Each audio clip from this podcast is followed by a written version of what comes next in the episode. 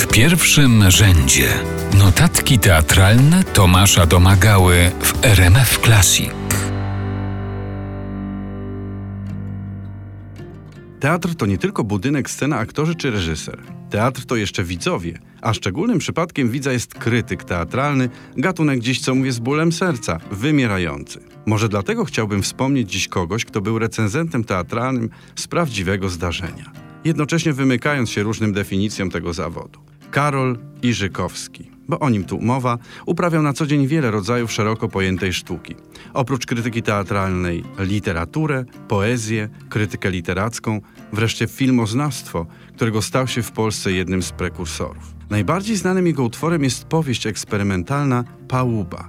Rozgrywa się jednocześnie w warstwie zdarzeń i refleksji o owych zdarzeniach, stawiając Iżykowskiego w rzędzie najciekawszych polskich pisarzy modernizmu. Jego piękne, pełne miłości do teatru i literatury życie w sposób niezwykle dramatyczny zakończyła wojna. Przemierzając ogarniętą powstaniem Warszawę, Iżykowski został ranny w nogę. Koleżanka po fachu pisarza Halina Dobrowolska tak opisywała jego agonię.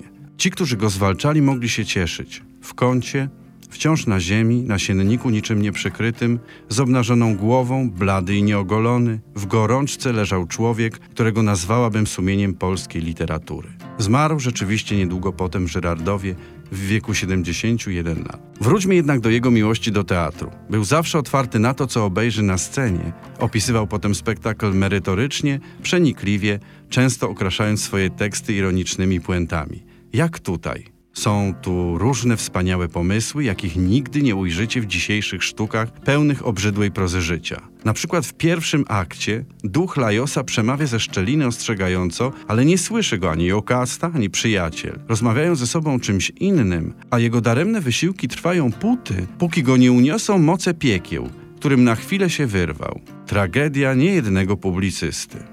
Mam nadzieję, że mnie w piątkowy ranek jednak ktoś słucha, oddając tym samym hołd zapomnianemu już nieco Karolowi Iżykowskiemu w 150. rocznicę jego urodzin. I to wbrew temu, co twierdził jubilat, mówiąc, że najlepszą reklamą dla kogoś, kto ma coś do powiedzenia, jest milczenie. Zaraz, ale w takim razie co zrobić z radiem? W pierwszym rzędzie notatki teatralne Tomasza Domagały.